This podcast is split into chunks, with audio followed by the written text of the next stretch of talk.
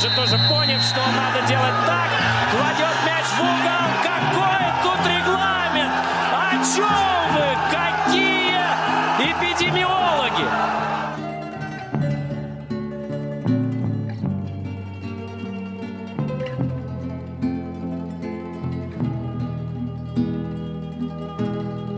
Het is eh, donderdagmorgen, de dag na de Coppa Italia finale tussen Juventus en eh, Napoli, gewonnen door Napoli. De dag, eh, of twee dagen voordat de Serie A weer eh, wordt herstart. herstart. En daarom nemen we vandaag op met de Italië-man van Nederland, Emiel Schelvis. Goedemorgen. Goedemorgen, wat een compliment zeg. Er, Ja, zijn, er, toch, wel- er zijn er toch wel meer, hoop ik. Zeker, ja, nou, hopelijk eh, behoren wij daar ook toe. Daarom even een kleine voorbeschouwing vandaag ook over jou. En gaan we even kijken of Juventus of, eh, of Lazio kampioen, eh, kampioen wordt. Eh, ben je gezond, Emiel? Ik ben hartstikke gezond, Willem, dankjewel. En klaar voor de herstart? Ja, ik heb er heel erg veel zin in. Ondanks het feit dat natuurlijk het meest eh, wezenlijke van voetbal op dit moment toch wel ontbreekt. Hè? Van het grote voetbal. Ja. Van het voetbal waar we met z'n allen zoveel plezier aan beleven. Namelijk de ambiances van het publiek. Ja, dat, daar moeten we het zonder doen. Maar ja, dat, dat is nou eenmaal zo. En eh, dat geeft ook wel weer een andere dimensie aan, eh, aan het voetbal. Het komt meer om het spel zelf neer. Nou ja, goed. Toevallig Althans, wat mij betreft is dat ook altijd het uitgangspunt geweest om sowieso me in het voetbal als commentator, verslaggever, presentator, eh, bureauredacteur, schrijvend journalist, want Ja. ik ben het allemaal geweest, Ja, ja, ja. te begeven. Dus ja, ik heb tot dusver één wedstrijd zonder publiek verslagen zelf. Dat was Juventus-Inter. Eh, dat was die eh, overwinning van Juve, Ja. een aantal weken geleden. Volgens mij was het 1 maart. Vrij beslissend al. Ja, die was althans, dat leek althans voor Inter al eh, een soort van nekklap geweest Mhm, te zijn. Maar mhm. goed, wie weet, er zijn nog wel wat wedstrijdjes te spelen. En, Zeker. als we naar gisteravond kijken, dan weten we dat Juventus ook niet geheel onfeilbaar is. Maar goed, eh, eh, toen merkte ik in elk geval dat ik na een minuut of 10, 15 eigenlijk dat gevoel van geen publiek wel kwijt was. En ik me toch wel puur op het spel kon concentreren. En dat ik bijvoorbeeld ook wel eh, toen zeker buitengewoon kon genieten van, eh, van Dybala. Ook weer zo'n echte voetballer die, waarvan je het idee hebt van dat hij toen hij vier of vijf jaar was ook al zo voetbalde Ja, als hij ja, nu doet. ja, ja, En dat heb je bij Messi eigenlijk ook. Hè? Ik denk dat dat een vergelijking is die hij zelf niet zo graag wil horen. Eh, eh, Paulo Dybala. Maar goed, in ieder Wordt je geval. altijd mee vergeleken uiteindelijk. Ja, nou ja, goed. Dat afschuwelijke nummer 10 van het Argentijnse elftal, dat is natuurlijk ook wel een soort van vloek. Dat zou ik ook, eh, moet ik eerlijk zeggen, als jong Argentijns talent nooit meer aantrekken. Maar in ieder geval, ehm, hij heeft ooit eens een keer trouwens gezegd dat hij, hè, als hij een rol zou moeten hebben in dat elftal, dat dat een rol à la Messi Ja, zou zijn. Nou, dat, moet nog even nu wachten. nog. Ja, daar moet hij nog heel even mee wachten. Maar in elk geval, eh, om aan te geven dat er dan toch weer andere dimensies komen, puur speltechnisch, eh, tactisch, eh, die toch nog, vind ik, interessant genoeg zijn om met de kijkers te delen. En het voetbal heeft nu drie maanden stilgelegen. Tenminste, het Italiaanse voetbal. Hoe bereid je je dan voor op, op het aankomende weekend? Nou, ik heb te- sowieso de afgelopen drie wedstrijden in de Coppa Italia, inclusief finale dus van begin tot einde gezien. Eh, ik lees iedere dag de Gazzetta dello Sport. Ik eh, heb contacten met collega's in Italië, eh, met voetballers in Italië, Nederlandse voetballers, Mhm. onder andere met Matthijs de Ligt en Stefan van der Vrij en af en toe ook met Martin de Roon, hoewel die wat meer opgesloten heeft gezeten met Jedi Schouten. Ja, dus ik probeer eigenlijk wel een soort open contact te houden met die gasten, zodat ik in ieder geval ook weet eh, eh, vanuit eh, de bron, zeg maar, hoe het met ze is. Want nou, voetballers zijn toch een beetje afgelopen pak een beetje 10, 15 jaar uitgegroeid tot idolen slash popsterren. ja, moeilijker te bereiken. maar goed, je merkt, en dat zie je eigenlijk ook al aan het huidige Nederlands elftal. Je merkt dat dat een generatie is van jongens die eigenlijk weer gewoon ja, behoorlijk goed eh, met de voeten in de grond staan. Misschien is Memphis de enige uitzondering, maar die wordt bij Oranje altijd weer heel erg eh, down to earth. ja, ja. dus ja. die, die- je ziet wel, waar je mee omgaat, word je mee besmet. Maar in elk geval, ehm, ja, weet je, jongens als ook, ook Frenkie de Jong zijn gewoon een, een, een zegen voor de Nederlandse voetbaljournalistiek. Eh Wijnaldum niet te vergeten. ja. Van Dijk, ja, dat zijn. Ik vind het allemaal. ik, ik kan daar intens van genieten. En het doet mij weer een beetje terugdenken aan de periode. Uh, nou, praat ik over jaren negentig. dat spelers het ook echt nog leuk vonden mhm. om wat te vertellen. En het gevoel hoe, hoe geweldig het is om met een elftal resultaat te halen. Om, om zelf natuurlijk ook een geweldige ontwikkeling als mens door te maken. Met mhm. name als je in het buitenland bent. En toen, met name ook als je in Italië zat. Ja, om dat weer te delen. Want jij, jij, jij zat het dichtst op de gloriedagen eigenlijk van de Serie A in de jaren 90. Ik, heb daar, ik ben daar zeer regelmatig geweest, ja. Ik, uh, en, en, en met name in de periode dat ik voor Voetbal International werkte, ja. kon ik... Uh, dat was het ja, eind heel, jaren heel dichtbij komen. Ja, uh, dus, dus, want ik ging in 1990 naar Studio Sport. Maar ik heb van 84 tot 90 heb ik bij, uh, bij Football International uh, gewerkt. En dat was toen nog een blad mm -hmm. wat heel erg tot de verbeelding sprak, omdat de televisie eigenlijk in Nederland nog nauwelijks ontwikkeld was. Uh, je, had, je had niet eens een sportjournaal, dat begon in 90 sterker nog. Ja. Daar ben ik betrokken bij geweest, want ik ging over van VI naar Studio Sport om daar uh, drie dagen in de week als bureauredacteur te werken voor het nieuw te starten Sportjournaal. Je kan je nou niet okay, meer voorstellen ja, nee. dat het niet bestaat. Maar toen begon dat pas. Dus daarvoor was het gewoon agendawerk wat Studio Sport deed. En heel af en toe reportages. Dus uh, ja, ik heb eigenlijk zelden televisiecollega's gezien uh, in die periode. Uh, er waren wel wat correspondenten natuurlijk. Martin Schoots, later Peter Kuiper. Die regelmatig ook op Milanello waren. Ja, ja. maar voor de rest kwam je eigenlijk niemand tegen. En, en, hoe komt het dat jouw blik toen al zo op Italië was gericht? Waar is dat ontstaan? Ja, dat is een beetje een combinatie geweest. Ik ben van Italiaanse origine van moederskant. Mm -hmm. Uh, ik heet, uh, behalve Schelvis, ook Nicola. Oké. En dat is uit de buurten van Bolzano, San ja, Giacomo. Ja. daar komt mijn opa vandaan. alleen die emigreerde al op zijn achtste naar Rotterdam. Dat zijn ouders ja, konden daar nauwelijks aan, aan een goede boterham komen. En dat had te maken met het feit dat Trentino, nu is dat een toeristische provincie, ja. met name ook richting de wintersport gericht. Maar toen gebeurde er niet zo heel veel, ook niet op het gebied van landbouw. En nou, nu is het ook een, prachtige wijnstreek.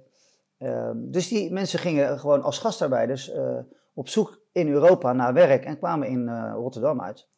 Nou goed, uh, opa leerde oma kennen en uh, de rest is history. Mm -hmm. um, dus ik ben wel een beetje met Italiaanse inslag uh, opgevoed.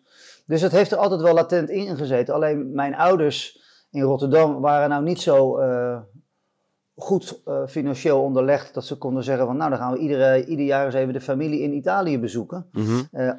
opa was ook um, nog een heel bijzonder levensverhaal. Die man die heeft ehm, een enorm tragiek in zijn leven gekend doordat zijn vrouw uiteindelijk overleed in de bevalling van een zusje voor mijn moeder. Okay. Ze wilde heel graag een tweede kind.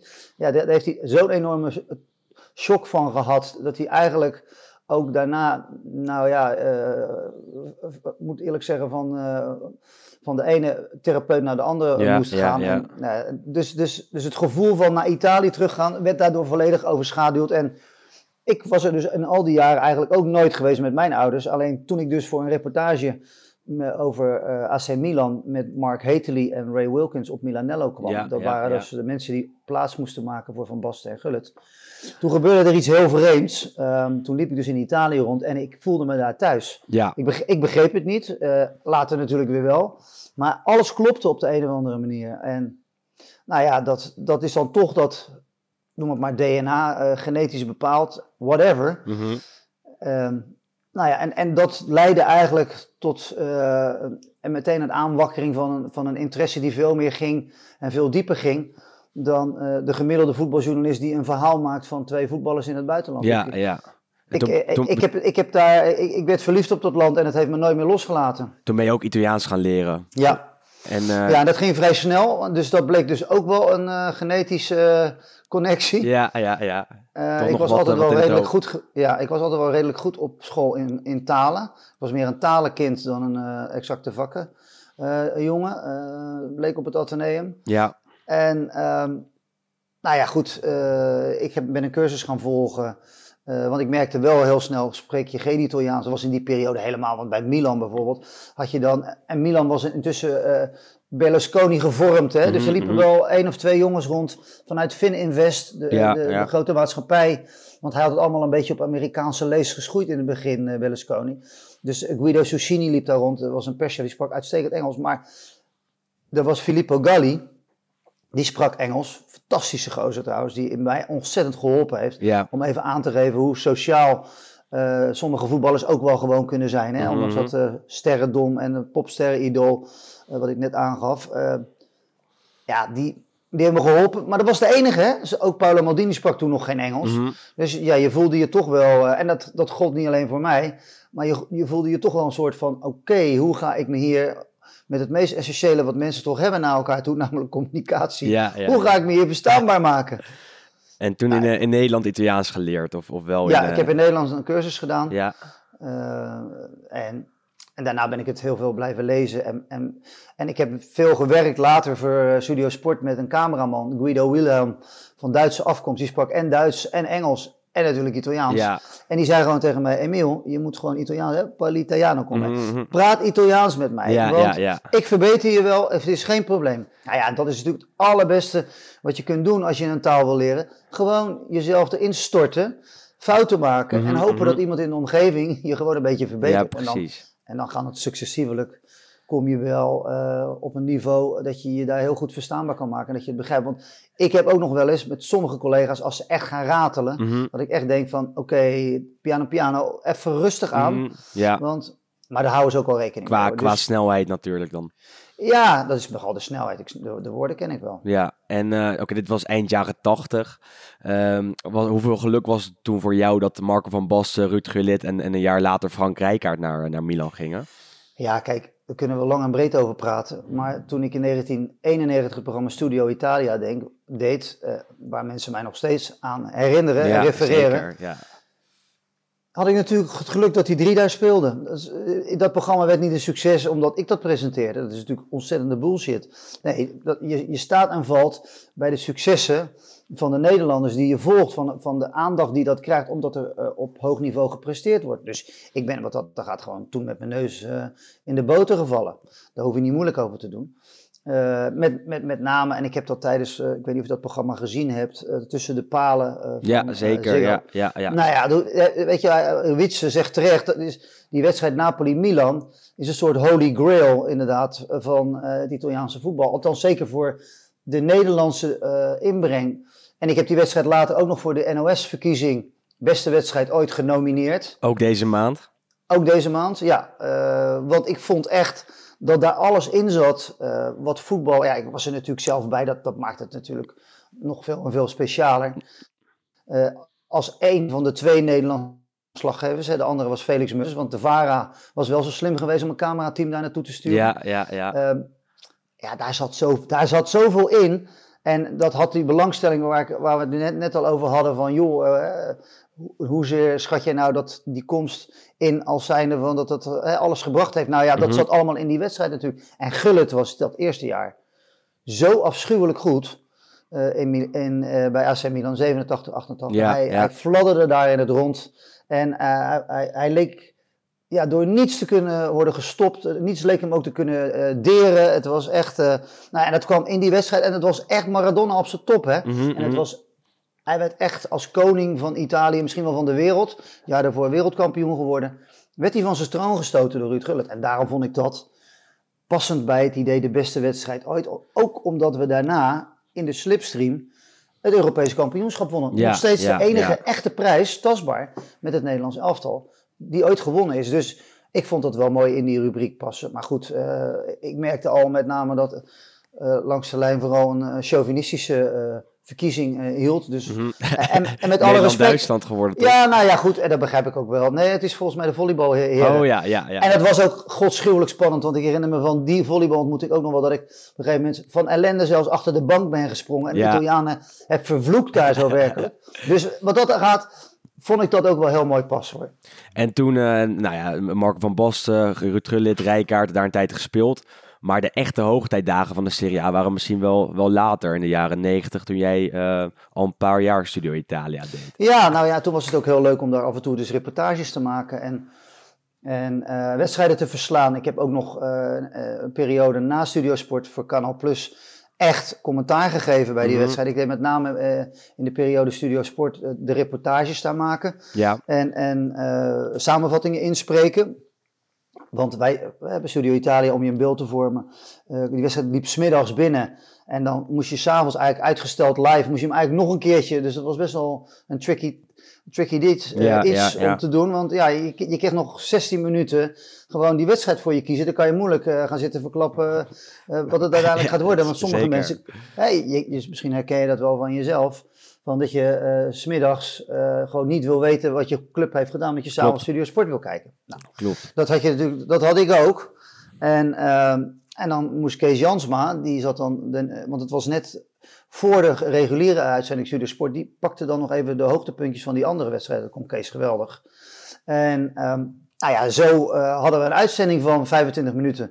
En ik weet niet of die uitzending jou want ik weet niet hoe oud jij bent, Willem. Ik ben 23, ik dus ik heb ze, jou nog iets... ik ja, heb ze niet gezien helaas. Nee. Net, uh, net weet je wat mijn allereerste uitzending was? Nou? Fiorentina Milan, ja. 3-7. Oké, okay, dat is wel uh, met de deur in huis vallen. Ja, en daar zit nog een, een bizar verhaal aan vast, want het was de avond van de Belmerramp. Oké, okay, ja, ja, ja. En ja. Uh, dat toestel viel dus ergens tussen half zeven, tijdens mijn uitzending ja. uit de lucht op die flat mm -hmm. in de Belmer. En dat de, de man van de bewaking van het Mediapark, die heeft dat vliegtuig overzien komen ja, in de verte. Ook al laag. Over het, ja, al, al, laag, met een heel eng geluid. Dus die man die was al een soort van in paniek geraakt en die uh, al was al allemaal al mensen aan het bellen geslagen. En nou ja, toen bleek dus de, de, de gigantische ramp uh, uiteindelijk zichtbaar. En toen, ja, toen gebeurde er dus van alles. Gijs Wanders moest bijschuiven bij Jansma en Smeets. Mm -hmm. ja, en, ja. ja weg uitzending natuurlijk logisch. En weg ook euforie. Want hey, Van Basten twee keer gescoord. Gullit gescoord. Volgens mij Rijkaard ook nog. Ja. Dus het was echt één groot Nederlands feest. En het, voor mij het meest bizarre was dat ik s'avonds naar huis reed. Natuurlijk uh, de hele, uh, het hele idee van een, een, fantastische eerste wedstrijd. Met alles wat je, waarvan, waar je, waarvan je droomt dat het zo, zo zou moeten zijn, was weg. Ja, en toen hoorde ik s'avonds bij het Oog op Morgen een Surinaamse man praten dat uh, die zei, ja, ik, ik woon daar. Ik had er ook moeten zijn in die flat. Maar mijn televisie deed het niet. en ik had uh, op de radio gehoord dat er, uh, dat er een nieuwe uitzending was van Studio Sport, Italiaans voetbal. En dat daar, uh, en die man was helemaal, helemaal idolaat van, van Ruud Gullit. Ja, ja. En heeft toen zijn gezin meegenomen naar zijn broer in de stad in Amsterdam. Ja. En is daar die wedstrijd, of althans mijn programma gaan kijken. Of dat het programma gaan kijken. Mm -hmm. Dus dat programma heeft gewoon impliciet zijn leven gered. Komt het mooi samen wel... toch nog? Ja, maar dat is echt, jongen, ik krijg er weer kippen. Ja, ik krijg er ja, echt zo kippenvel van. Terecht. Moet je je voorstellen dat je, hoe dat, hè, dan zeg je, karma, het, het, toeval bestaat niet, maar Jezus man. Dat, ja. is toch, dat, is, dat, dat, is, dat, gaat, dat vergeet je ook echt nooit meer. Nee, en zeker niet omdat het de eerste uitzending was en, en weet ik wat allemaal, dat het dan samenkomt natuurlijk. Alles zat erbij. Alle, ja, ik was zelf natuurlijk ook gespannen en ging dat wel goed. En, en, maar goed, die euforie duurde precies één minuut. Ja. toen kwam Gijs Anders binnen, een ramp in de bel, maar het ja, toestel precies. neergestort, LL. En nou ja, toen ging alles, ging alles de hele avond alleen maar uiteraard daarover. En hoeveel jaar hebben jullie toen uiteindelijk uh, Studio Italia gemaakt?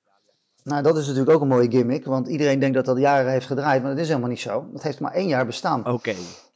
En daarna kocht, uh, uh, wel, wel wijs geworden of gek geworden, uh, hoe je het noemen wil, mm -hmm. door het succes van die, Studio Italia, kocht Jansma meteen um, ook de Spaanse voetbal. Ja, ja. En toen werd het een uitzending om tien uur s'avonds. En toen werd mij de keuze gelaten van, joh, dat mag je presenteren, want hè, dat is hartstikke goed gegaan mm -hmm. en dat was leuk. En toen zei ik, nee, ik kies voor Italië. Ik wil liever Italiaans voetbalcommentaar blijven geven. Zo ben je de wedstrijden live gaan, uh, gaan verslag uh, Ja, nou ja, toen, toen... Nee, Studio Sport was natuurlijk nog steeds niet live. Nee, oké. Okay, maar ja. deed ik de samenvatting allemaal. Oké, okay, oké, oké. Dus niet meer presenteren en... Uh, nee, maar, maar toen ging ik later wel weer het sportjournaal. Er was, er waren altijd wel, was altijd wel mensengebrek. Ben ik uit laat, uiteindelijk later wel sportjournaal uh, gaan presenteren. Maar goed, ik heb, daar, ik heb bij Studio Sport eigenlijk van alles gedaan. Uh, van uh, nogmaals bureauredactie tot presentatie tot commentaar geven. En uiteindelijk het allermooiste, uh, en die film is toevallig recentelijk ook herhaald in de, in de reeks van NOS docu's mm -hmm. om de coronatijd door te ja, komen. Ja, ja. De film met Ronald Koeman over zijn actieve carrière. Die, ja, dat, toen heb ik geleerd hoe mooi het was om veel verder te gaan dan uh, alleen maar eigenlijk het dagelijkse nieuws te volgen. Of, of een wedstrijd te verslaan. Of een presentatiebeurtje te mm -hmm. doen uh, en je in, in, de verf te hijsen. Toen merkte ik eigenlijk hoe leuk het was. Een beetje indachtig natuurlijk wat ik bij VI deed, maar dan op, op papier. om gewoon de achtergronden veel meer te belichten. En, En wanneer, wanneer ben je toen weer echt op Italiaans voetbal gaan, eh, gaan focussen? nou ja, gelijk al daarna, want Kees Jansma haalde mij in eh 98 naar Canal Plus toe. Mhm. Eh, omdat ze daar ook de rechten Italië hadden. En toen zei hij van, maar ik heb meer voor jou dan wat je bij Studio Sport hebt. Want je kunt de wedstrijden gewoon daar in Italië gaan volgen. En toen zat ik, eh, nou ja, om de, zal het zijn, twee, drie weken zat ik live bij een wedstrijd. Soms alleen, maar heel vaak met Wim Kieft samen. Mhm. En ehm, ik kan je heel eerlijk zeggen, Kieft heeft er zelf laatst ook nog gerefereerd aan. Dat waren de mooiste dagen van mijn leven. En, en toen was het Italiaanse voetbal ook nog goed, kwalitatief. Maar dat was geweldig goed. Maar, maar ook het hele, alles, wat, alles eromheen, het leven. Eh, ja, we hebben daar gewoon een geweldige tijd gehad. En ik eh, kan best even onthullen dat ik eh, daar soms wel eens iets meer van maakte. In de zin van dat ik soms wel eens, dat ik een wedstrijd op zondag had, ook op vrijdagavond al wegging. En Ja. pas maandag terugkwam. Ja, terecht. Als, als ik, ja, weet je wel, toen was Fiorentina goed. Eh, Roma deed mee. Uiteraard Juve, zoals altijd. Maar Milaan, allebei de clubs. Mhm. Dus je zat ook nog in de vier aardige steden. zat je eh, op, op bezoek. En dan nam ik, ja, ik nam wel eens wat vrienden mee. Ja. Wat, vriendinnen mee. Ik Ja, nam, ja, ja, het. Het, het was gewoon een feest. Dus ik wil bijna zeggen dat die wedstrijd, ook niet helemaal, maar soms nog wel eens ineens dacht van, oh ja, ik ben hier ook nog voor een Een, wedstrijd. een echte bijzaak werd het natuurlijk. Nou ja, weet je, het, ja, als je van Italië houdt, dan hou je ook van het leven. Ja, ja. En, da- en daarom is die afgelopen periode ook zo heftig geweest. Van de mensen die ik sprak. Dat ik dacht van, jee, dat, dat, weet je wel, wij vinden het al, hier merk je al overal hoe moeilijk mensen het Mhm. vinden om zich aan bepaalde regeltjes te houden. Om, om niet het leven weer te kunnen omarmen, om het maar even eh, eh, metaforisch te zeggen. Mhm, mhm. Maar daar, mensen, Ze waren echt kun je voorstellen, opgesloten. Italië een anderhalve meter samenleving? Ja, dat is niet. niet voor te stellen. Nee, dat, dat zag je gisteravond al bij de, bij de festiviteiten in Napels. En ook op het veld. Ik, ik ben echt bang voor deze dagen, as we speak, eh, Willem, wat er, wat er in Napels gebeurt. Ik heb al wat filmpjes langs zien komen dat, dat Ja. de spelers werden opgewacht bij het, eh, bij het station of bij het vliegveld. En, eh, Maar de Coppa winnen is één, maar Juve verslaan Ja, is twee, hè? met anti-Juve eh spreekkoren ook eh, Alleen van de maar. supporters. Dus, Het eh, is het arme zuiden tegen het rijke noorden. En je kunt het niet beter symboliseren dan, dan de strijd tussen Napoli en Juventus. Heb jij eh, door de jaren heen een clubvoorkeur of een stadionvoorkeur of een, of een stadsvoorkeur eh, ontwikkeld? Nou, stadionvoorkeur is sowieso San Siro. Ja, Eh, en dat heeft ook te maken met mijn Rotterdamse achtergrond. Want dat was toch, toen ik daar voor de allereerste keer was bij een wedstrijd, spookte dat toch door mijn hoofd. Hey, dit is de plek waar Nederland het eerste eh Europa Cup zegen heeft gehaald. Europa Cup 1 zegen, Champions League. ja. En eh, ik was tien jaar. Ik, ik, mijn, mijn ouders waren echte Feyenoorders. Mhm. Ik ben zelf in Rotterdam-West opgegroeid. Dus ik heb heel veel met Sparta. Maar dat Feyenoord gevoel, ja, dat zit ook wel een beetje door mijn opvoeding Mhm, mhm. heen. Dus ja, dus ik heb al die mannen zien huilen in de, in de huiskamer. Ja. En ik ben een, eh, een dag later ben ik op de Koolsingel geweest. Dat, is, dat zijn toch spirituele eh, bijeenkomsten geweest die je je leven lang meedraagt. En toen zat ik dus op dat San Siro en toen kon ik dat... Want het perstribune zit nu inmiddels op de tweede ring. ja. Maar die zat toen nog op de eerste ring. Dus je zat eigenlijk best dicht op het veld. Dus je kon het gras echt ruiken. Daar zijn nu de zo'n magische lucht. Precies. Dat hebben ze toen uiteindelijk... Italië was daar ook eh, als laatste mee. Ehm, hè, als van de grote competities Mhm. om die stadions een beetje luxueuzer voor de VIP's, de mensen met het geld, in te richten. Maar ja, toen zat je er nog gewoon heel dicht op. En ja, die lucht nogmaals, dat is echt magica. Dat is echt, ja, dat vind ik geweldig. Dus, ehm, dus zo eh, zeg ik, San Siro is voor mij toch wel eh, het stadion. Ik moet wel zeggen, ze zijn eh Atleti Azzurri aan het verbouwen. Het is bijna Mhm. klaar. Ja. Het gaat natuurlijk nu hard. Van, van. Atalanta. Ja, ze zouden eerst aan het einde van het seizoen weer verder gaan. Maar ze zijn natuurlijk nu gelijk, laat dat maar aan de Percassi eh, familia over. Gelijk doorgegaan. En ehm, ja, dat wordt ook een, echt een heel mooi voetbal, een hele mooie voetbaltempel van bijna 30.000 toeschouwers. Dus ja, dat is iets waar Bergamo, en dat mogen ze ook wel, gezien alle ellende die ze daar hebben meegemaakt, weer zich eh, in positief opzicht eh, mag aan, eh, aan, aan mag laven. En gelukkig maar. Zeker, zeker. En, en, en ehm, qua club, dat je, dat je nou ja, natuurlijk 30 jaar werkzaam Nou ja, dat is wel mooi voor al deze voetbal. mensen die natuurlijk deze, deze iPod-voorstelling van jou beluisteren. Ja, ja, ja. Er zitten natuurlijk allemaal mensen bij. En ik heb het een keer meegemaakt met het Total Football Festival ook hoor, in Amsterdam. Hè, dan kwam, ben ik ook ineens geattaqueerd door iemand in een heel oud Juve-shirt. Van, Ja. eh, wat denk je eigenlijk wel? Wat ben jij een anti-Juve man? Ik zeg, joh, ik ben helemaal niet anti-Juve.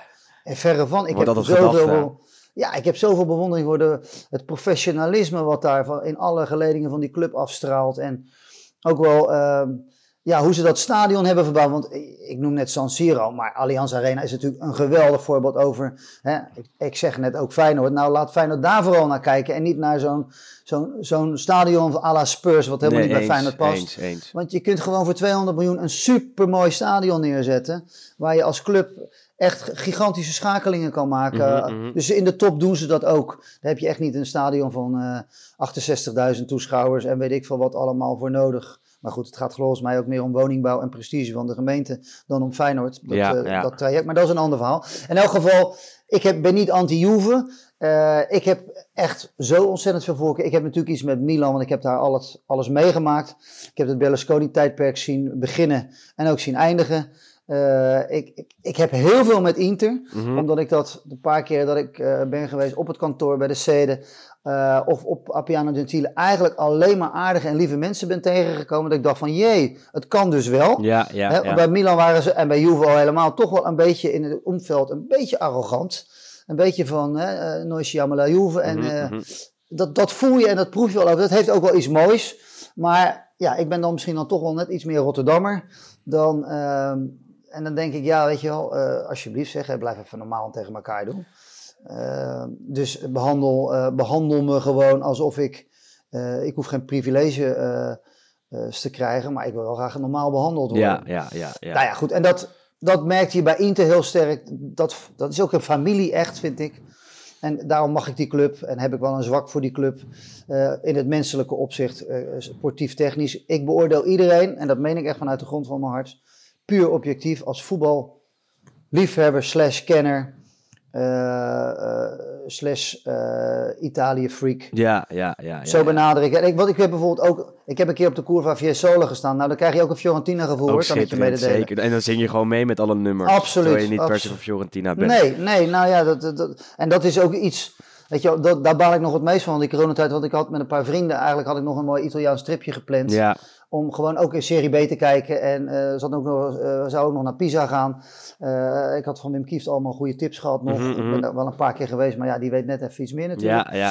Dus weet je wel, dat, ja, dat vind ik toch het, het mooie. Je moet niet alleen in de top kijken. en, ehm, maar je moet ook de cultuur je- jezelf eigen proberen te maken. En, en opsnuiven. En, en eh, die cultuur eigen maken is voor mij niet zo heel moeilijk, omdat ik dus een kwart Italiaans bloed Mhm, heb. mhm. En er dus niet zoveel voor nodig was, blijkbaar. Maar ehm, ja, ik, ik, heb, ik heb echt geen. Luister goed, beste liefhebbers van de Serie A en van voetbal. Ik heb echt geen voorkeur. Nee, nee, nee. Maar kom je er nog vaak wel in Italië? Ehm, dus ook op Nou, vakantie. laatste maar jaar of eigenlijk alleen op vakantie. Nee, maar Ja. niet, niet werkgerelateerd dat je daar. eh nou ja, ik ben natuurlijk maken. net voor de coronacrisis. Ben ik natuurlijk bij Matthijs en eh, Stefan geweest. Eh, in de laatste dagen, daar ben ik nog wel behoorlijk mee achtervolgd. Mhm. Want iedereen keek mij zo aan van, ben je gek geworden of zo? Dat Ja, was in en een week voor, week voor Juve Inter was dat, hè? Ja, ja dat, en dat was. eh, uiteindelijk zou die, die zondag zou die wedstrijd gespeeld. En later is hij dus een week Mhm. Uitgesteld. ja, ja, ja. ja. En zonder publiek gespeeld. Maar daar gebeurde van alles. Die dagen dat ik er was. Eerst zou die wel gewoon met publiek gespeeld worden. Toen Ja. weer niet. Toen weer wel. En toen uiteindelijk toch weer niet. En eh, in Piemonte, eh, in Turijn, was er eigenlijk maar één, eh, één man overleden. Een, een, een oude baas aan, aan corona. En er, er waren eigenlijk nauwelijks besmettingen. Mhm. En dat merkte je ook in Turijn gewoon. Er er liepen wel wat mensen. Er was wel voorzichtige angst. Want ze hadden toen inmiddels wel dat gebied bij Codino. Ja, Zeg maar ja. zo'n 60 kilometer ten oosten van Milaan, grenzend aan Bergamo, eh, eh, noordoosten, hadden ze al afgegrendeld. Daar was de eerste lockdown van Europa. Ja, ja, ja, ja. ja. Eh, hè, en ik- ben nog steeds van mening, maar dat is even een, een, een corona-sidestep in dit gesprek. Nog steeds van mening dat Bergamo daar ook zichzelf had moeten lockdownen. Want de middenstand, en het is een rijke gemeente, Bergamo, Mhm. ja, heeft toen echt wel aangedrongen van joh, wij regelen dat zelf wel. En, en, en daar zijn ze toch voor gezwicht, omdat ze toch de hele omvang van dat eh, corona eh, gevoel, dat ze konden ze toch niet helemaal goed inschatten van, oké, er gebeuren hier toch wel heel snel heel veel besmettingen Mhm, rond mhm. Codinho en Bergamo, maar eh, het komt uit China en ze konden het nog steeds niet plaatsen. Dat daar gaat de Italiaanse overheid natuurlijk overal achteraan gelopen. Nou, het meest bizarre is dat Lecce Atalanta toen nog met uitfans is eh, gespeeld. Ja, die zijn gewoon op pad gegaan. Nou ja, Ja. goed, er, zijn, eh, er, er- er is nog genoeg gebeurd natuurlijk. Er zijn, er zijn diverse eh, bewegingen in Europa geweest, natuurlijk ook vanuit Spanje naar Engeland. Ja, ja. Eh, eh, dus ja, maar, maar kon het toen, ik, misschien moet je het in het perspectief van die dagen zien. Wij hebben altijd in het begin met z'n allen gedacht, joh, dat zal toch wel meevallen. Dat is iets in China. Mhm, mhm. En, Ook en in ineens was het, ja, ineens was het hier, want er zijn heel veel linken economisch gezien tussen Noord-Italië en eh, met name eh Hubei slash eh, Wuhan. Mhm. Hè, en rond Codinho met name schenen heel veel families te hebben, of wonen nog steeds, maar er hebben ook heel veel bewegingen, vliegbewegingen plaatsgevonden. hè. Malpensa heeft ook een directe verbinding eh, jarenlang gehad op eh, Wuhan. Mhm, mhm. Ja, en dan krijg je toch dat er dus uitwisseling is geweest, Chinees nieuwjaar.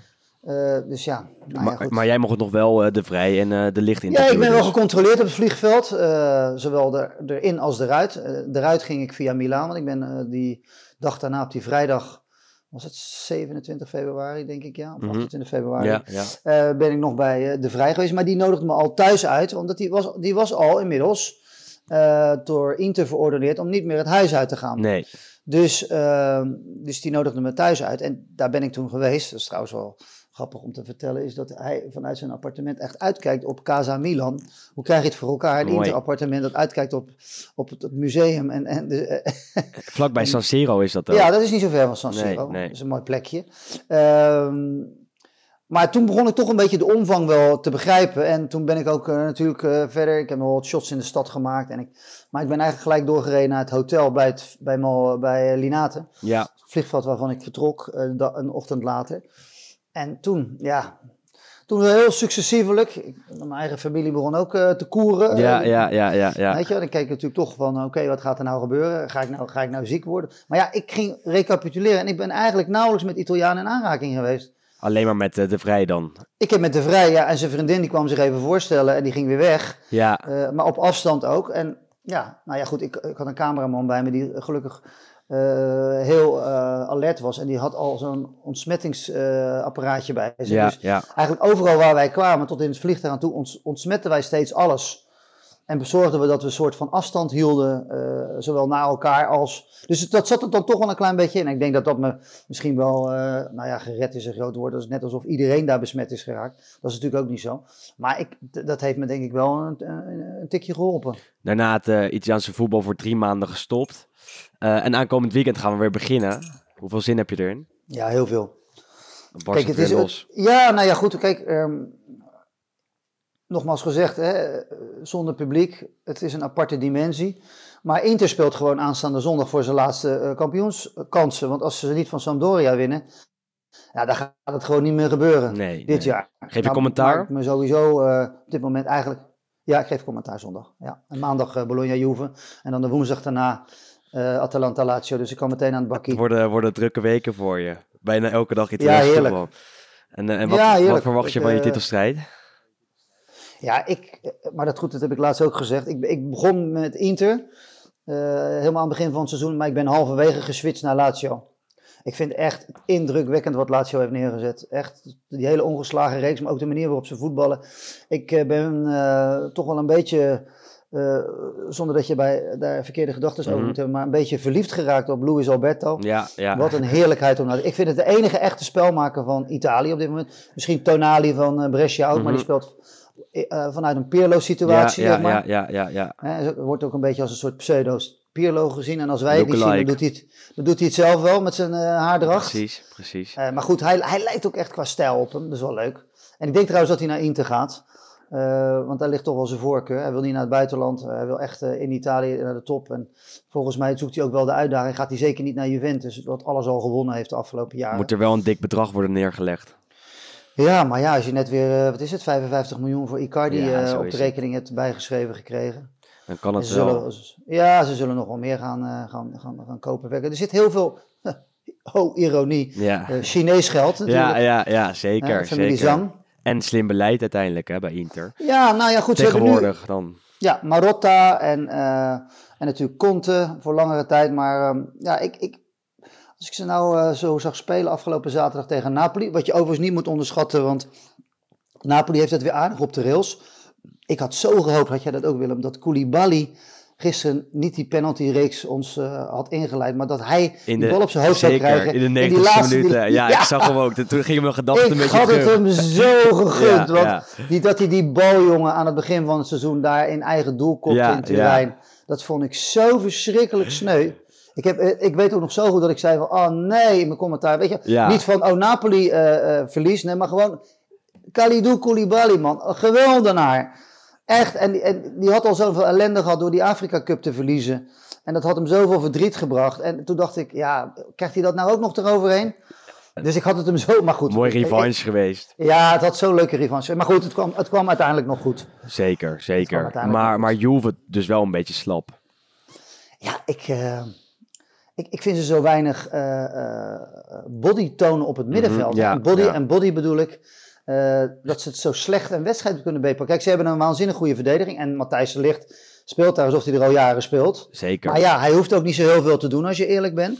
Eh, het is heel zuinigjes. Mhm. eh, maar ja, goed, dat is een stijl. En de backs mogen opkomen, de centrale verdedigers blijven. Ja, ja, ja. ja, ja. Ehm, maar het middenveld, Pjanic heeft het gewoon. Die begon nog sterk aan het seizoen. Maar ik weet niet wat er met hem is. Volgens mij is hij ook, eh, heeft hij veel last van die blessure Ja. gehad. En is hij niet fit teruggekomen. Want het is wel een goede speler natuurlijk. Gaat ook misschien weg. Ja, daar wordt ook al, eh, er worden wat eh, linkjes gemaakt met eh, Barcelona. Een ruil met Arthur eventueel. Ja, nou ja, iedere dag speelt er wel weer wat. Hè, want dat hebben de Gazetta's afgelopen weken wel goed gedaan. Dat ze dat COVID-19, eh, eh, alsof het een voetbalteam is, eh, dat, ze, dat hebben ze niet meer op de voorpagina's gezet, maar ergens halverwege de, de krant. We volgen Klopt. het wel, maar we willen ook weer gewoon over of Lautaro Martinez naar Barcelona gaat en Pjanic naar Barcelona. Eh, eh, weet ik veel, wat er nog meer allemaal eh, speelt. Mhm. Dat willen we ook weer graag Ja. onder de aandacht brengen. En trekt ook meer lezers. Ja, nou ja, goed, maar nogmaals, om terug te keren bij Lazio. Ja, Eh, eh, ik weet niet wat eh, de transfersgeruchten, we blijven toch nog een beetje daar, Mhm. eh, eh, rond Immobile eh, voor impact gaan hebben op hem en op eh, de rest van het team CQ Club. Want ja, er is een schijnt een aanbieding te liggen van Newcastle United eh, die er niet om ligt. Waar hij eh, met zijn 30 jaar nog vier jaar contract kan krijgen voor 8 miljoen netto per ja, jaar. ja, ja, ja. Dat is niet misselijk. Gigantisch is dat. Dat is niet misselijk. En, maar ja, aan de andere kant, Sevilla en Dortmund waren nou niet twee van die hele geweldige avonturen. Hij weet nu wat hij heeft. Hij verdient, eh zo dadelijk als hij zijn nieuwe contract bij Napoli ondertekent, ook 4 miljoen netto per jaar. Dus ja, wat geef je op? Wat wil je? Hè, dat is natuurlijk voor, al die, voor alle spelers die een transfer maken altijd weer de afweging. Wat ga je nou Mhm, werkelijk mhm, mhm. als aan, aan kwaliteitseisen van het leven stellen, vind je rijk worden op zich al prima. En eh, kun je toch niet meer denken eh, tussen 6 en 7 miljoen, wat daar het verschil tussen is. Of ben je een, eh, nou ja, een veelvraat, dan eh, ga je toch af en toe eh, eh, gedwongen door een, een veel eh, vraatere, eh, wel dat geen goed Nederlands is, maar ik, Mhm, ik mhm. kan niet aan een andere term komen als ik aan Mino Raiola nee, denk. Nee, nee, nee. Eh, nee. dan denk ik toch, ja, eh, dan maar weer een stel. Ja, Slatan, heb, ja, Slatan is natuurlijk overal heen eh, geduwd. Hoewel hij zich niet laat duwen hoor. Maar goed, die vond het ook prima. En die heeft daar natuurlijk, dat heeft hem geen windeieren gelegd. Maar ik, ik denk dat Immobile, misschien komt er wel een mooie periode van zou, Lazio je, aan. zou je Lazio hoger inschatten dan Juve op dit moment? Tenminste, het is Op natuurlijk moeilijk wel, na, ja. na de drie maanden stop. Maar eh, Ja, dat, dat, is het, dat is het probleem. Die, die zaten natuurlijk echt, eh, eh, zoals Feyenoord in Nederland, zaten ze echt in een flow. mhm, mhm. En ja, alles klopte aan, aan die ploeg. Ze konden het zichzelf veroorloven om, om on-Italiaans, zeg maar, niet te, al te veel op de verdediging te leunen, maar veel sneller in de omschakeling al druk te zetten dan dat ze eigenlijk gewoon waren. Dus ze laten een, een tegenstander echt niet helemaal eh, tot over de middenlijn komen, maar ze gaan echt al op de tweede of soms zelfs al op de eerste paas diep van de tegenstander, eh, eh, zetten ze de boel vast en proberen ze er gelijk overheen te knallen.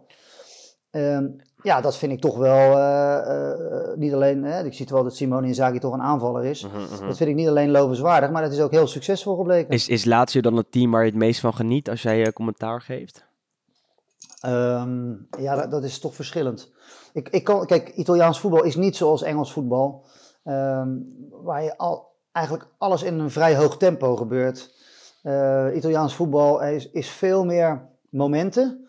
Eh, en in die momenten kunnen ook de klassen van sommige spelers enorm aan de oppervlakte komen. Mhm. ik, ik heb dit jaar tot dusver enorm genoten van, om het maar zeggen, eh, de, de, de, de techni- technisch vernuft, maar tegelijkertijd ook het karakter tonen van Paulo Dybala. Ja, Ik heb enorm genoten, toch wel weer, van de dadendrang van Ronaldo. Dat blijft een Mhm. fenomeen. Alhoewel, ik begon denk, slecht aan het seizoen, hè? begon slecht, maar eh, Cristiano is volgens mij een speler die niet zo goed af is bij het spelen zonder publiek. Het is Mhm. me nu weer opgevallen Ja, gisteravond. ja. Dat viel me in de halve finale ook al op. Twee wedstrijden viel- niet goed gespeeld. En het viel me dus ook al op in de wedstrijd die ik deed, eh Juve Inter. Hoewel Inter natuurlijk toen echt wel duidelijk de mindere partij Mhm. eh, eh, bleek te zijn. Cristiano is volgens mij echt iemand. Ja, het is toch, het is kunst. Hè? De mooiste vergelijking die ik ooit heb gelezen over, tussen Messi en Ronaldo is. Ronaldo is kunst. Het is gemaakt. Ja. Hij heeft zichzelf tot een absolute top, top, top verdette. De enige speler die inmiddels dus miljardair is geworden. Gewoon door puur met het voetballen en alles eromheen bezig te zijn. Dat heeft hij allemaal zelf voor elkaar gebokt. Ja, klopt. Chapeau. Klopt, klopt, klopt. Maar het is niet een natuurlijke speler. Waarschijnlijk was hij op zijn zevende niet de speler waarvan je kon zien, ah, dat wordt een wereldtopper. Nou, dat, dat kon je bij Messi en Dybala, kon je dat wel zien. Nou ja, en dat is het verschil. En dat is misschien, hij heeft dat in mijn optiek misschien wel nodig. Dat eh publiek hem of adoreert, thuispubliek met name, of Mhm. haat. Ja, Ja, weet je, Tonali, je noemde hem net. Ik kan daar al geweldig van genieten. Eh, maar Lazio heeft echt de manier waarop Immobile speelt, beweegt, eh, diepte zoekt en dan weer in de bal komt. En dan mensen die, eh, Luis Alberto met zijn, ik geloof 14, 15 assists die hij al gegeven heeft. Ja, eh Milinkovic Savic, de goal die hij tegen Juventus maakt. Ja, ik kan heel erg van die momenten, eh, daar kan ik heel erg mijn, mijn, eh, mijn enthousiasme uithalen. Om- ja, omdat ik toch, ik ben zelf ook geboren met een bal. ja. Dus eh, ja, en dat voel ik dan een beetje. En dat probeer ik dan eigenlijk te delen met eh, de mensen die kijken. En dat, dat lukt de ene keer beter dan de andere hoor, dat is ook duidelijk. En, Maar, en die rol wordt natuurlijk groter als er geen publiek is. nou ja, ik ben niet van plan het helemaal vol te gaan zitten lullen. Want ik, word ik ook nog wel eens op betrapt dat ik soms te veel praat. Ehm, en en dat, dat, dat, begrijp ik ook goed hoor. Eh Theo Rijsma heeft me ooit geleerd om achter het beeld aan te praten. Nou, daar kan ik niet altijd even goed mee omgaan. Soms kan ik het niet laten om, om anticiperend te gaan zitten kletsen. Ja, omdat ik ja, dan ja, denk dat ik wel weet wat er gaat gebeuren. Dat is natuurlijk ook, soms is dat ook wel een beetje beroepsdeformatie. Maar goed, dat maakt niet uit. Dat, dat, dat is mijn enthousiasme, dat is mijn gevoel en dat leg ik erin. En dat is wat, wie ik ben. En, en ik hoop dat ik de mensen daar, gezien de reacties, valt dat over het algemeen redelijk positief uit. Mensen daarmee doe. En eh, als je dan naar, naar, naar iets lager op de ranglijst kijkt, bijvoorbeeld Atalanta. eh, dat is ook wel een ploeg waar je, waar je van Ja, kan genieten. geweldig. Nee, dat vind ik geweldig. De manier waarop zij. Kijk, het, het is toch een beetje een sprookjesverhaal. Hoewel het natuurlijk een nachtmerrie is geworden door de, door de, door de corona. Maar het is, het is natuurlijk een fantastisch verhaal als je met dit soort spelers. En laten we wel zijn, in de, in de voorhoede lopen nou ook weer niet weggooiers. Hè? Mhm. Met eh, Zapata. eh, en met eh Luis, Luis Muriel, met Gomez en met Ilicic. Maar ja, hij heeft het voor elkaar gekregen om die mensen ook gewoon door te wisselen. Hij heeft het voor elkaar gekregen om met de spelers daarachter, die bij, denk ik, bij geen enkele Europese topclub verder in de basis zouden staan, of zelfs niet in een Europese subtopclub, Mhm. heeft hij het voor elkaar gekregen, Gasperini, om daar gewoon een geweldig sluitend geheel van te maken. En echt ze alles te laten uitvoeren wat ze moeten doen. Kost ze veel energie, maar het is zo ontzettend lonend. En zij maken gewoon altijd, en dat is geheel on-Italiaans, gewoon altijd meer goals dan de tegenstander. En dat is, eh, nogmaals gezegd, als uitgangspunt, we maken er altijd wel een meer, bijna Cruyffiaans. Eh, dus het is ook heel on-Italiaans. Alla Zeeman misschien wel, hè? Ja, Zedek Zeeman kon dat ook. Ja, Gewoon alles op de, alles op de aanval gooien. Weet je nog met welke club die dat eh, met name tot een Met, fantastische eh, uitvoering bracht? Met Foggia, toch? Ja, Foggia. Ik ben daar geweest toen. Ja. Ik heb, ook, ik heb daar drie trainingen van die man gezien. Ik heb nog nooit zoiets gezien. Hij liet ze gewoon vanaf de hoofdtribune, liet hij ze, daar had je van die eh, hele grote eh, cementblokken Ja. eh, waar je op kon zitten. Daar liet hij ze gewoon van afspringen. Die Brian Roy, die zegt de afloop, hij zegt, heb je dit wel eens meegemaakt? Hij zegt, dat kan toch niet goed zijn voor je knieën? Ik zeg, nee, dat ziet er wel heel onorthodox uit inderdaad. Hij zegt, en dat is nog maar niks, hè. Hij zegt, want jij hebt nog een rustige training nu gezien. Ik zeg, je moet morgen even komen. morgen krijgen we duurtraining. En die ging tekeer, jongen. Ik, Maar ja, eh, Gasperini is wel een oud voetballer. En Ja, Zeeman ja, is een oud volleybalman, hè. Ja, ja, ja. En, en echt wel een bul. En Gasparini is dat wel een stukje minder. Tenminste, van wat je ervan hoort. Nee, dat is ook zo. Nee, dat, vertelt, eh, dat vertellen de Ronan Hatenboer ook. En ehm, eh, waar, naar welke wedstrijd kijk je dan het meest uit? Nou, van die drie, eh, nou, nogmaals, kijk, Ja. het spanningsboog ligt natuurlijk gelijk wel bij Inter Ja, eh, Sampdoria. Want Om de druk weer gaat op te Inter nog- voeren. Ja, en Inter, eh, we, we noemden het net al, was toch een beetje, een beetje zoekende. Begon allemaal Zeker. heel goed. Maar Sensi komt van Sassuolo, Barella komt van Cagliari. Is toch zijn ook niet gewend geweest blijkbaar toch om los van eh, de fysieke inspanning die ook Conte eist, maar ook met het mentale om te Mhm, gaan. Want mhm. het iedere week moeten winnen. Eh, ja, zijn geblesseerd geraakt, allebei eigenlijk. Sensi heel Alle- lang.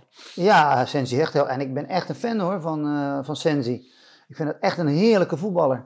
En die gaan we echt ook op het, als hij zich door blijft ontwikkelen tenminste, op het Europese kampioenschap volgend jaar. Gaat Italië daar echt ook een, eh, is hij ook echt een van de, van de schakels van eh, Mancini, dat weet ik zeker. Mhm. En Barella ook trouwens. Maar ja, die zijn weggevallen en hij is gaan twijfelen over de zijkanten. Ja. Ik vond, As, ik vond Asamoah het niet zo heel slecht doen als, als linksback en Kandreva in het begin aan de rechterkant. Maar ja, toch moest op een gegeven moment eh, Moses komen en Ashley Young moest komen. Eh Biragi ja, vindt hij eigenlijk natuurlijk ook, en dat vinden we allemaal, niet goed genoeg. Gewoon niks. Nee. nee, nou ja, jij, jij bent dan nog onaardiger. inderdaad. Eh, eh, Ik ben is, eh, interista, dus dat eh denk ik ja, nou ja, dat is ook zo. Ik bedoel, daar kunnen we lang en breed over praten. Daar word je niet heel vrolijk van als je die aan de bal zit. Dan denk je, ja, die had naar Fiorentina eerder een stapje omlaag moeten maken dan omhoog. exact, ja. Dus, maar goed. en dan, dan Brozovic, die, dat was eigenlijk de generaal op het middenveld. Daar- hij zorgde voor dat verticale voetbal van Inter. Ja, Hè? Dus ze- ze lokken de tegenstander. En met Handanovic en De Vrij hebben ze gewoon twee hele rustige factoren. Waarbij ze de opbouw kunnen starten.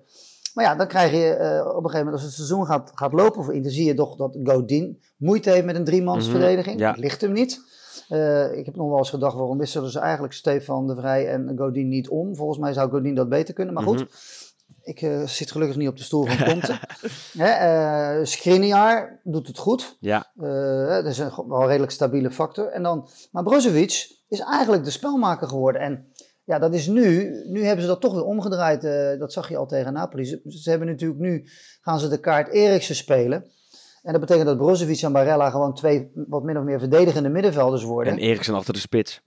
Ja, en kijk, en spitsen. kan Brozovic is toch een trotse Kroaat. Kan die dat aan? Want hij was natuurlijk in het Kroatische elftal eigenlijk al adjudant Mhm. van Modric. En dat, ja, met alle respect, voor Modric wil hij wel werken, voor het land. Maar nu was hij natuurlijk de eerste helft van het seizoen de, de grote man. En nu moet hij gaan werken voor een jongen die barst van het talent, die eh, eh, bijzondere gaven heeft. Maar waarvan ik wel eens twijfel of hij zichzelf echt pijn kan doen. En dat moet je in Italië wel meer dan in Engeland doen. Want Heb je het over als je goed bent en je komt op die positie 10, Ja, ja, heb ik over Eriksen, Ja. En, die- en dan gaan ze je gewoon zoeken.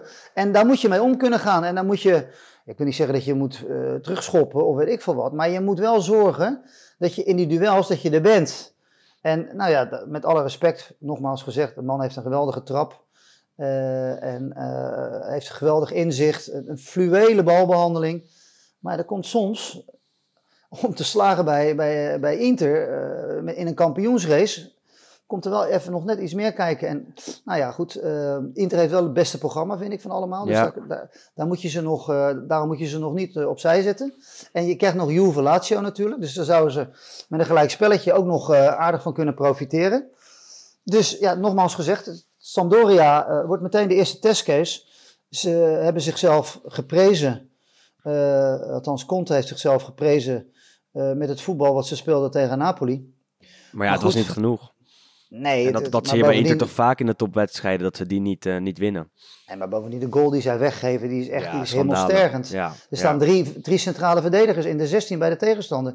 En Eriksen moet achter Insigne aan. Ja, ja. Nou, dan heb je toch je organisatie eh, niet helemaal op, op eh, peil. En dan kan je wel zeggen, na afloop, ja, we hebben, eh, hè, we hebben creato tanti occasioni. Ja, natuurlijk Mhm, hebben we heel veel kansen gecreëerd. Maar eh, het gaat er uiteindelijk om om effectief te zijn. En ik bedoel, ik ben geen scorebordjournalist journalist, hoor. Ik kijk ook wel naar grotere Mhm. eh, ontwikkelingen. Maar ik vond Inter gewoon na die 0-1 gewoon toch te weinig eh, dat was te weinig chemisch, als je snapt wat ik bedoel. Ja, snap? ja. Kandreva moet die bal aan Eriksen geven en is het een Zeker. goal. Ja, Snap je? En, en dat soort dingen. Dus je ziet persoonlijke eh, ambities zie je nu net boven het teambelang gaan. En dat was in het begin van het seizoen niet zo. Aan Conte de taak om dat eh, te voorkomen natuurlijk. Ja, dat ziet hij ook wel, denk ik. En Ja. bovendien, één voordeel. Ik denk wel dat ze hem goed gaan horen nu in deze stadions. Zeker, ja. En dit staat de hele wedstrijd langs de lijn te schreeuwen. Als een pupillentrainer. Ja, precies. En dan even iets lager op de ranglijst bij Milan. Ehm, Ach, jee, ja, hoe, Milan, hoe, hoe kijk jij daar nu naar? Milan. Je hebt, je hebt alles meegemaakt met Milan. Oh, ik krijg zoveel appjes, jongen. Ook weer aan de afgelopen vrijdag. Van Milanisti. Die echt zo, eh, zo intens droevig zijn. Want wat is die club afgezakt? Ja, En wat heeft die, dat elftal weer opnieuw, nu Ibrahimovic eh, natuurlijk geblesseerd is, een enorm gebrek aan persoonlijkheid. dat zag is- je direct in de halve finale tegen Juve. Het, het eerste half uur hebben ze geen bal geraakt. Maar je verwacht toch, hè, met Maldini en Boban, hoewel het natuurlijk nu eh, uit elkaar valt, Boban is inmiddels alweer weg. Ja. Eh, verwacht je toch dat zij met spelers aankomen zetten, of in ieder geval dat zij die spelers kunnen inschatten van die zijn er. Want ze hebben het ook wel weer gewoon behoorlijk wat geld de afgelopen jaren geïnvesteerd.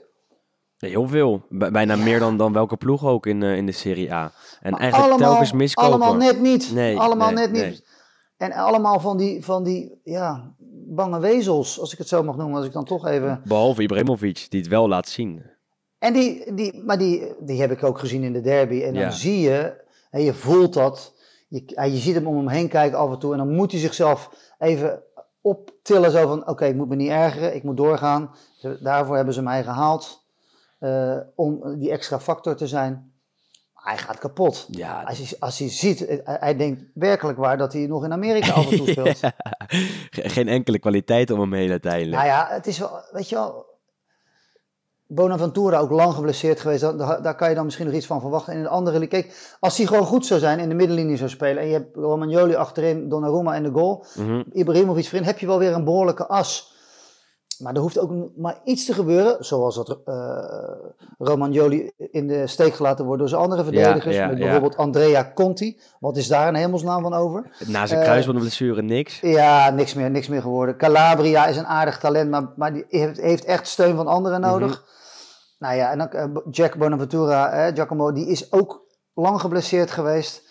Kessie, ja sorry, als je Desailly en Rijkaard bij Milan hebt gezien, dan doet dat zo ontzettend pijn aan je ogen. Ja, ja, het, is, ja. het, is, het is van een enorme ook. energie, maar het is zo ontzettend blind. Het is, sorry hoor dat ik dat zeg, want eh, eigenlijk mag je niet zo keihard oordelen over, over topvoetballers. Mhm. Maar goed, als je supporter bent, kan ik me voorstellen dat je niet anders kan constateren van, terwijl je dat soort spelers, hè, als Desailly en, en, en, en, een, en een Rijkaard op dat middenveld hebt zien spelen, dan denk je, ja, kom op hé. Wat, wat, er nu staat, ja. Dat, dat, sta- zijn. nee, er staat uiteindelijk helemaal niks. Nee, en dan, hebben ze, dan leggen ze de, de, de- het lot van de opbouw leggen ze in handen van eh Benacer. Ja, Eh, eh, ja, die, jongen die kan dat helemaal niet aan. Die kan het niet aan. En hij doet zijn best hoor. En hij, hij werkt, hij werkt als een paard. Ik zal even Sander Popovic citeren. Mooiste uitdrukking ooit. Hij werkt als een paard, maar voetbalt als een ezel. nee, da- daarom, daarom. Maar wat moet er bij Milan gebeuren om, om toch weer de topclub van weleer te worden? Ja, ze- ja, het, het blijft een simpele, een hele simpele conclusie. Je moet topspelers hebben. Dus met andere woorden, eh, eh, kijk, ze kunnen wel zeggen van eh, we kiezen voor een romp. Hè, er zit heel weinig eigen Milan-identiteit in op dit moment. Hè? En dat merk je gewoon aan alles. Eh, dus ja, ik weet niet, misschien gaan ze een, eh, een, een, een megaprijs voor Donnarumma. Allemaal ik me afvraag wie die gaat kopen voor eh 60 miljoen. Mhm. Maar dan zouden ze met dat geld wel weer de boer op kunnen. Om dan, eh, hè, los van dat ze ook moeten streven naar dat de Daniel Maldini's gewoon een rolletje gaan krijgen. Ja, ja, ja, ja, ja. Volgens mij hebben ze namelijk niet zo'n hele slechte primavera. Milan dus.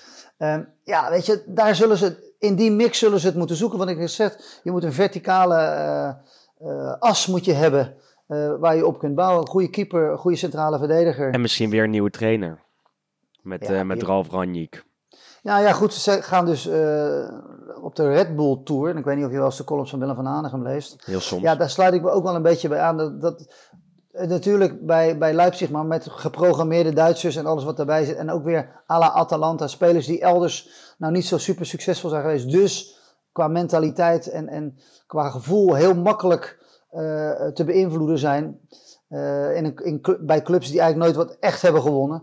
Ja, dan praat je over een andere dimensie dan met die hele Red Bull formule bij een, bij een instituut als Milan binnenkomen zeker, zetten. zeker. Dus ik moet dat nog maar zien hoor. Ik, uh, ik, ik zou het uh, geweldig vinden, want Milan hoort er gewoon bij. Milan zou er, zou er ook weer gewoon bij moeten horen. En dat kan nog steeds. Het, natuurlijk, de potentie is er. Ze zijn nog steeds uh, de club met het derde aantal toeschouwers. Ze zijn nog steeds in, in, in de wereld zijn ze uh, een, een, club die, uh, waar ze geloof ik bij de top 10 staan. Van clubs die gevolgd worden en, en, en worldwide aanhang hebben. Dat, komt natuurlijk met name door, de, door het verleden, het recente verleden. Ja. Maar, maar dat is ook wel weer met een prachtige kus tot leven te wekken. Maar nou ja, wie is de prins hè, die dat doet? ja, het, het, het had Slatan moeten zijn, maar dat is tot nu toe niet gebeurd. Ja, maar die, die, die is af, kan ook af en toe een hek zijn. Hè, ja, zeker in ieder geval genoeg om uh, naar te gaan kijken de komende periode. Ja. Uh, jij bent er vaak bij voor Ziggo Sport. En hopelijk onze luisteraars ook die dan, die dan inschakelen. Um, het gaat echt mooi worden. Het gaat echt ik. mooi. Ik heb er ook heel veel hoop, zin in. Ja, ik hoop ook echt dat op 20 juli, over een maand dus, zeg maar zo'n beetje, Ja. dat, dat, dat het echt een mooie kraker gaat worden tussen Juventus en Lazio. En dat, nou, dat we gaan zien wie de sterkste is. En en met een beetje geluk zit Inter daar dan ook nog dicht tegenaan. Dus dan zouden zij nog een soort van, uh, ja, misschien wel de, hè, het beroemde verhaal van uh, de, de, het been en de, de derde die er mee ja, heen gaat. Zeker, zeker, zeker. En genoeg moois om, uh, om naar te gaan kijken in ieder geval. Nog één vraag trouwens, krijgen jullie supportersluit meegeleverd? Want dat doen ze natuurlijk in andere competities wel. Uh, ja, dat, daar kan je voor kiezen. Okay. Ik zag dat ze gisteren in de Coppa Italia finale uh, met allemaal uh, visuals werkten. Ja, ja, ja. ja. ja, op zich was het wel grappig. Het, het, is, een lege tribune vind ik sowieso echt helemaal niks. Een lege tribune met spandoeken van sponsoring vind ik ook helemaal niks. Mhm. Die kartonnen figuren vind ik grappig verzonnen. Maar na één, ja, na één keer is het voorbij. Heb ik het wel gezien. Ja, ja, ja. Dus, dus dit vond ik nog niet eens zo onaardig bedacht. Maar ja, goed ik stel me altijd voor, stel nou dat je die audiotechnicus bent die aan, aan die schijven mag zitten en dan moet bepalen of je het publiek laat, laat juichen of boer laat ja, roepen. Ja, ja, het is of, moeilijk. Uh, nou ja, goed, ik, ik, krijg de hele cabareteske invallen van. ja. Dan denk ik echt, weet je wel, als het thuispubliek weet je wel, en, en uit de club scoort, dan gewoon keihard laten juichen. Ja. Dat, op zich lijkt me dat wel heel grappig. En dat, en dat zit ook een beetje in mij hoor, Willem. Ik, ik ben enorm fanaat, maar ik kan het ook relativeren. Daarom heb ik ook bij Tussen de Palen gezegd dat Paul Gascoigne mijn favoriete voetballer alle tijden was in de Serie A, die ik persoonlijk heb ontmoet. Ja. Omdat hij gewoon volslagen gek was. En dan heb je, omdat het ook gekte is daar, heb je ook af en toe een gek nodig. En dat is ook het mooie, toch? Ja, dat, maar dat is ook de Nederlander in mij natuurlijk. Zeker, want ik ben ja. natuurlijk wel kwart Italiaan, maar ik ben ook gewoon drie kwart uh, uh, gewoon Hollands. En uh, dan moet ik dan ook wel weer soms hè, om lachen. Hè. Ik, ik, mijn, mijn eerste kennismaking toen ik een interview had met de Italiaanse cultuur, schuine streep, wet, wetten, was toch dat we met de auto naar het zuiden reden, ja. Milaan voorbij, in, in, een geweldige file kwamen. En dat onze chauffeur zei, van, nou maakt niet uit, we gaan over de vluchtstrook, want we hebben een afspraak met de bondscoach. Ja. Dat we hem aankeken en zeiden, ben je gek geworden? nou ja, toen kwam er dus een, een, zwaantje achter ons aan en die zette ons aan de kant. Die schold ons helemaal verrot. En, en die chauffeur van mij, die bleef gewoon zo, bleef wachten zo, die, tot hij uitgeraasd was. Hij zegt, mogen we even, hij zegt, maar questo signori eh, hanno un, un appuntamento con Azelio Vicini, allenatore della Nazionale. Die man die verstijfde helemaal. Hij zegt, mag ik even jullie perskaarten zien? Nou, dan gaan we de, hè, de Serra di Stampa, de, de perskaarten. En vervolgens kregen we in plaats van een boete, en ik zag mezelf al met, met handboeien om op een, op een bureau zitten, kregen we dus een escorte langs de file. Hè? Ja, we werden gewoon vervolgens, en dat is ook Italië. Dat zijn de mooie ja, dingen toch? En daar geniet ik toch ook wel ja, van. zeker. Nou ja, genoeg uh, om naar te kijken de komende periode. Ik heb er zin in. Emiel, dankjewel voor je, voor je tijd. Het was, een, uh, was een leuk uur en uh, we gaan je de komende periode horen. Heel goed. Dankjewel. Ciao, ciao.